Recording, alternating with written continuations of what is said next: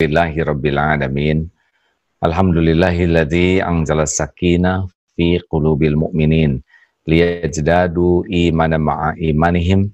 Allahumma salli ala Muhammadin wa ala alihi wa ashabihi ajma'in. Sahabat-sahabatku sekalian, Alhamdulillah tanpa terasa kita sudah tiga bulan lebih seperti ini ya. Baik, uh, saudaraku ada sebuah ungkapan, ini bukan hadis, sesudah ditelusuri, man arafa nafsahu faqad arafa rabbahu. Biasanya ada yang menganggap ini sebuah hadis, tapi uh, coba telusuri dari pendapat beberapa ulama hadis, bahwa ini bukan hadis. Artinya barang siapa yang mengenal dirinya, maka akan mengenal Tuhannya. Um, ini ungkapan bisa dipahami juga dengan benar dan baik. Misal begini, kita pasti mati nih. Kita manusia pasti mati, semua makhluk pasti mati. Sedangkan Allah itu pasti kekal karena dia yang mengurus alam ini. Nah itu bisa ada kebaikan dari ungkapan ini. Tidak ada salahnya kita menyebut ungkapan, tetapi jangan disebutkan ini sebagai hadis Nabi.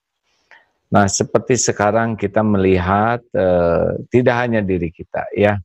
Oh, atau kita coba diri. Kita kita lihat diri kita semakin lama berubah ini. Harusnya kalau kita melihat diri sendiri ini, ini bagaimana ini? Siapa yang menciptakan tangan ini? Kenapa tangan ini bisa bergerak? Ada tulangnya, ada kulitnya, ada ototnya, ada pembuluh darahnya Siapa yang membuat semua ini? Mengapa tangan ini bisa seperti ini? Kenapa di ujung jari ada kuku yang keras? Dari bahan apa ini? Kenapa dia memanjang, tapi jarinya tidak memanjang? Kenapa kuku ketika digunting tidak sakit, sedang kulit sakit? Uh, makin kita bisa meyakini, oh tubuh ini bukan ciptaan siapa-siapa, ada yang menciptakan ini tubuh ini ada yang selain menciptakan ada yang ngurus nih. Saya tidak tahu apa-apa tentang tubuh ini kecuali sangat sedikit.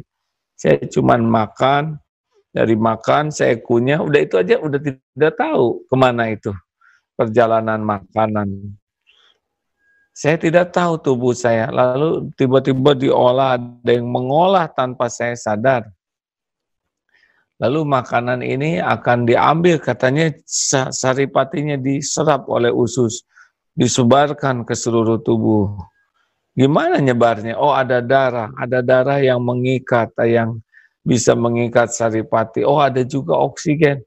Oh ya saya ngisap nafas ini. Ini nafas mana yang saya isap saya tidak pernah lihat. Katanya kalau ngisap tuh oksigen mengeluarkan karbon dioksida. Gim Gimana memilah dan memilihnya ini? Ah, ini siapa ini? Kenapa saya bisa melihat warna-warni seperti ini?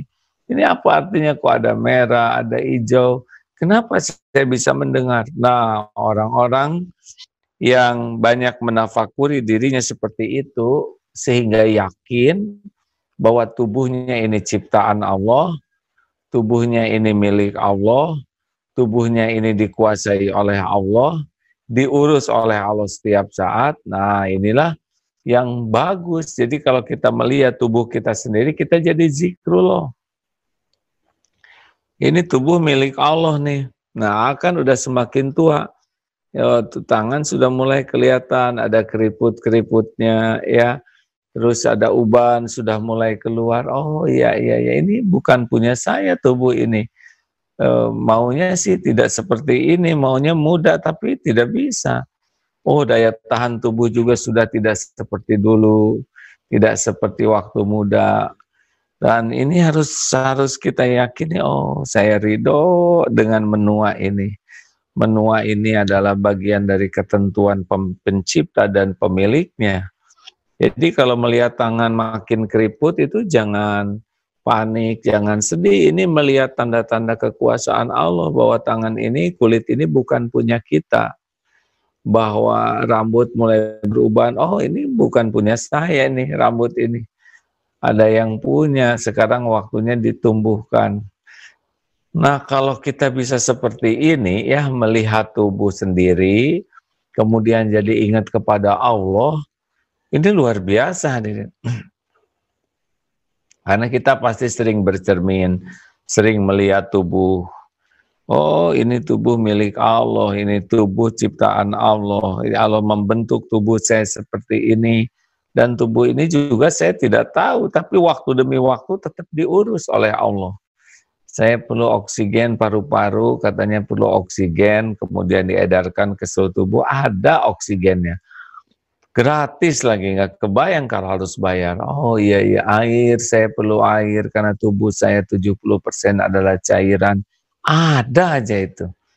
Walaupun kita tidak tahu di mana mata airnya, bagaimana caranya pH supaya jadi 7, bagaimana bakteri-bakteri jahat supaya tidak ada, saya minum tiap hari puluhan tahun tanpa tahu mata airnya di mana, tanpa sibuk meneliti bakterinya. Masya Allah, ada itu. Cukup terus ya, Masya Allah. Jadi seharusnya kita melihat tubuh sendiri saja sudah tuh ya Allah terima kasih terima kasih puluhan tahun engkau cukupi diri ini di rahim ibu dulu engkau bentuk setiap detik setiap saat tubuh ini tumbuh di tempat yang tersembunyi engkau cukupi nutrisi saya tidak bisa ke mana-mana karena di rahim ibu bahkan mikir belum belum bisa karena otaknya belum utuh tapi rezeki sudah datang ibu mengunyah bapak mencari terus di lewat proses pencernaan lalu lewat darah, entahlah lewat plasenta atau apa, sehingga saya tumbuh, rezeki saya ada setiap saat. Kemudian saya bayi dulu tidak bisa apa-apa, bayi manusia primata terlemah, hanya bisa menangis, tapi ada air susu, dari air susu terbentuk tangan, otot, daging, kulit, gigi, ini gimana tentang gigi ini? Gusi begitu lembut, terus keluar gigi yang sangat keras. Ini dari mana? Bagaimana ini? Wah, harusnya harusnya kita banyak menangis takjub.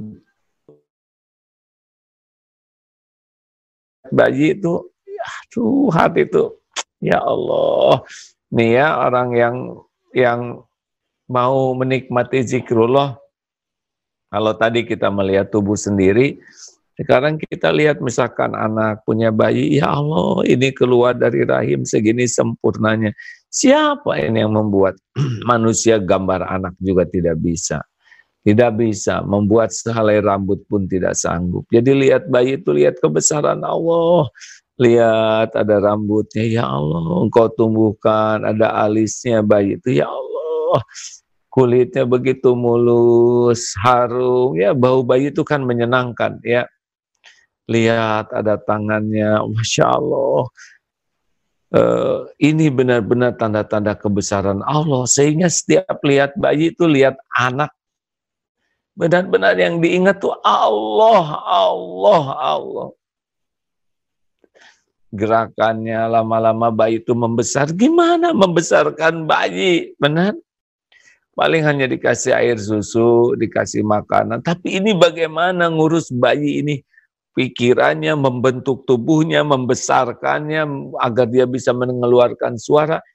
Bagaimana makanan bisa terproses keluar jadi kotoran bayian, minum jadi pipisnya. Ini gimana ini? Ini siapa yang ngurus bayi ini setiap saat? Gimana bayi kok bisa lama-lama bergerak, ingin duduk, mulai memanggil-manggil. Ini siapa yang menggerakkan? Untuk sebuah proses tertawa bayi itu susah, nangis juga susah. Ah, ah, nangis begitu tuh, ini sebuah proses yang sangat rumit.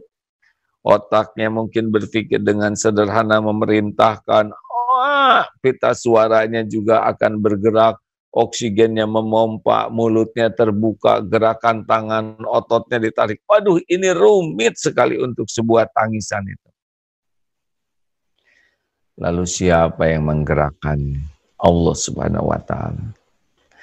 Jadi harusnya kalau punya anak tuh Allah, Allah ada yang anaknya lambat laun balita, rewel, kadang galak, kadang-kadang menjengkelkan. Ya Allah lah yang menggerakkan semuanya Supaya apa? Supaya kita terus meminta perlindungan kepada Allah, meminta pertolongan Allah. Jadi jangan sampai ngurus anak tuh seakan-akan anak tuh punya kita, ciptaan kita, milik kita dalam kekuasaan kita. Tidak. Itu adalah ciptaan Allah, milik Allah dalam kekuasaan Allah setiap saat. Supaya apa? Supaya kita para orang tua terus dan terus memohon pertolongan Allah. Terus dan terus mengingat Allah pemiliknya. Dan terus, terus untuk berlindung kepada Allah. Kita tidak bisa nolong anak. Anak dikasih bakteri saja, udah kita tidak berdaya. Anak flu saja, aduh udah repot. Hanya paling bisa kompres dan sebagainya. Maka saudaraku sekalian melihat diri sendiri harus ingat Allah. Anak lihat tumbuh. Bagaimana ini ada anak yang tadinya kecil, bayi membesar, membesar, besar, besar. Ini gimana bisa jadi besar seperti ini? Harusnya sebagai orang tua jangan hanya wah kamu sekarang besar. Tidak. Langsung melihat ini adalah Allah yang membesarkan. Semuanya tidak mengerti kenapa jadi besar begitu. Ya mungkin secara ilmu tahu kan ini ada nutrisi dan sebagainya. Tapi kenapa jadi besar? Lalu suatu saat mentok, mulai menurun ya, mulai berkurang kemampuannya, mulai enzim-enzim, hormon. Dan ini semua ini adalah tanda-tanda kebesaran Allah yang harusnya kita tuh jadi zikrullah sekali. Oh ya, Iya, iya, saya semakin tua sekarang. Oh, tapi Allah yang ngurus setiap saat. Jadi tidak ada satupun uh, orang yang lepas dari pengurusan Allah, dari kekuasaan Allah, dari genggaman Allah. Tidak ada. Semuanya harusnya kita melihat tubuh, melihat anak, melihat istri, melihat suami, melihat orang tua, melihat teman, melihat siapa pun. Langsung ingat ini semua adalah ciptaan Allah. Ini semua adalah milik Allah. Ini semua adalah dikuasai oleh Allah. Dibulak-balik hatinya oleh Allah. Ini semua adalah orang-orang yang diurus oleh Allah setiap saat. Sehingga melihat makhluk-makhluk itu jatuhnya adalah tajud kepada Allah. Tidak ada yang lepas